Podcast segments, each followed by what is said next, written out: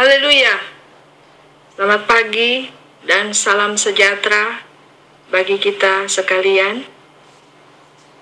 Tentu hati kita melimpah dengan syukur sebab kalau hari ini kita ada itu semua karena berkat kemurahan Tuhan.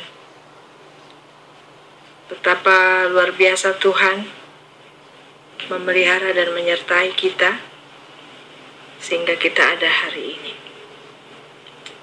Kita akan membaca dan merenungkan firman Tuhan. Namun sebelumnya mari kita berdoa. Ya Allah, ya Tuhan kami, segala syukur, segala ucapan terima kasih dari hati kami naik kepadamu ya Tuhan sebab betapa kami menyadari sempurnanya penyertaan dan pemeliharaan Tuhan atas hidup kami. Terima kasih untuk hari baru yang Tuhan jadikan bagi kami dengan sebuah keyakinan bahwa hari ini pula Tuhan siap memberkati kami. Terima kasih Tuhan karena kami merasakan bagaimana Engkau tidak pernah membiarkan kami, apalagi meninggalkan kami kesetiaanmu sempurna atas kehidupan kami. Kami akan membaca dan merenungkan firman-Mu. Roh Kudus tuntunlah kami, agar kami dapat memahami, mengerti, merenungkan, bahkan melakukan firman dalam kehidupan kami. Dalam nama Yesus kami berdoa dan bersyukur kepada Bapa di surga. Amin. Saudaraku yang diberkati oleh Tuhan, kita masih ada di dalam pembacaan di Galatia pasal 5 ayatnya yang ke-22. Galatia 5 ayat 22. Tetapi buah roh ialah kasih, sukacita, damai sejahtera, kesabaran, kemurahan, kebaikan, kesetiaan. Hari ini kita akan mendengarkan renungan tentang buah roh, yakni damai sejahtera dan kesabaran. Berbicara tentang buah roh, itu berarti bertentangan dengan perbuatan tabiat berdosa.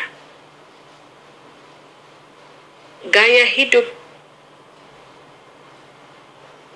atau buah roh dihasilkan dalam anak-anak Tuhan ketika mereka mengizinkan roh kudus menuntun, membimbing dan mempengaruhi hidup mereka sehingga demikian mereka membinasakan kuasa dosa, khususnya perbuatan tabiat berdosa, dan hidup dalam persekutuan dengan Allah. Yang pertama adalah tentang damai sejahtera. Damai sejahtera merupakan hasil penyandaran kita kepada hubungan dengan Allah. Istilah kata damai artinya adalah keadaan istirahat yang tenang, situasi atau keadaan hati dan pikiran yang mengalami ketenangan berlandaskan pengetahuan bahwa segala sesuatu ada dalam kendali Tuhan. Sehingga perasaan kita, keadaan kita sama sekali tidak ditentukan atau bergantung kepada keadaan sekitar kita. Keadaan sekitar kita tidak akan mengambil dan merampas damai sejahtera itu dari kita. Sehingga apa pun keadaan, bagaimanapun situasinya, kita sendiri tetap merasakan damai sejahtera itu menguasai hati dan pikiran kita, sehingga menghasilkan ketenangan, kenyamanan, dengan keyakinan bahwa kehidupan yang kita jalani, apa pun keadaannya, bahwa Tuhan tidak pernah membiarkan kita, apalagi meninggalkan kita. Keadaan-keadaan sulit pun, keadaan-keadaan buruk pun, atau sedang dalam pergumulan, kita mempercayai dan meyakini bahwa Tuhan turut bekerja di dalamnya untuk mendatangkan kebaikan, sehingga kita sendiri merasakan dan mengalami damai sejahtera dalam hidup kita karena kita menyandarkan hidup kita kepada hubungan kita dengan Allah.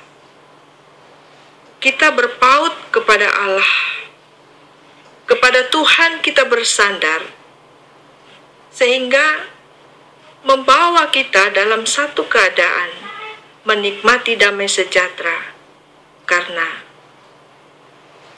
kita merasakan bagaimana Tuhan menyertai kita semua.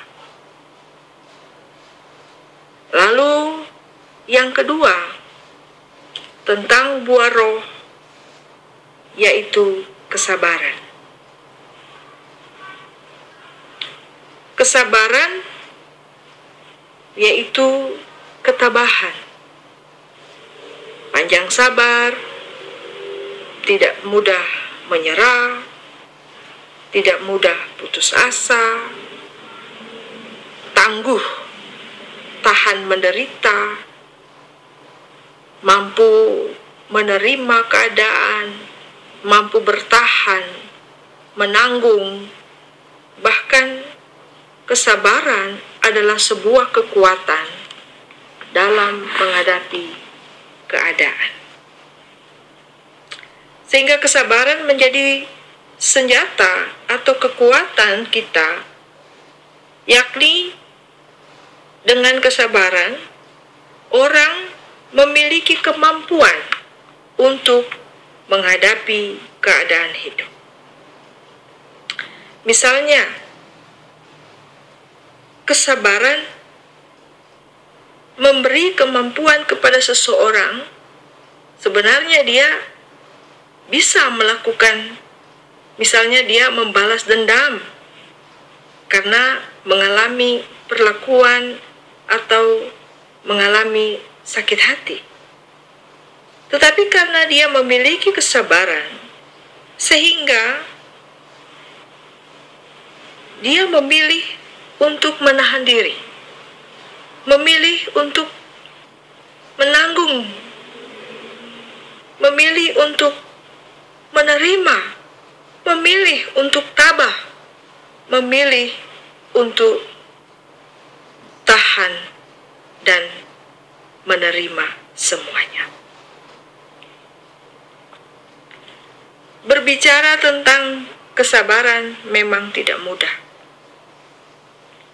Tetapi sebagai anak-anak Tuhan, ketika kita di dalam keadaan sulit, ketika situasi tidak sesuai dengan yang kita harapkan, maka kesabaran ini menjadi kekuatan yang luar biasa untuk kita mampu menghadapi dan menerima keadaan yang terjadi. Kesabaran menanti janji-janji Tuhan.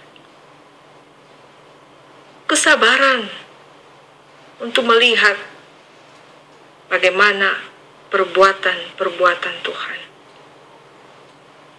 Bagaimana kita bersabar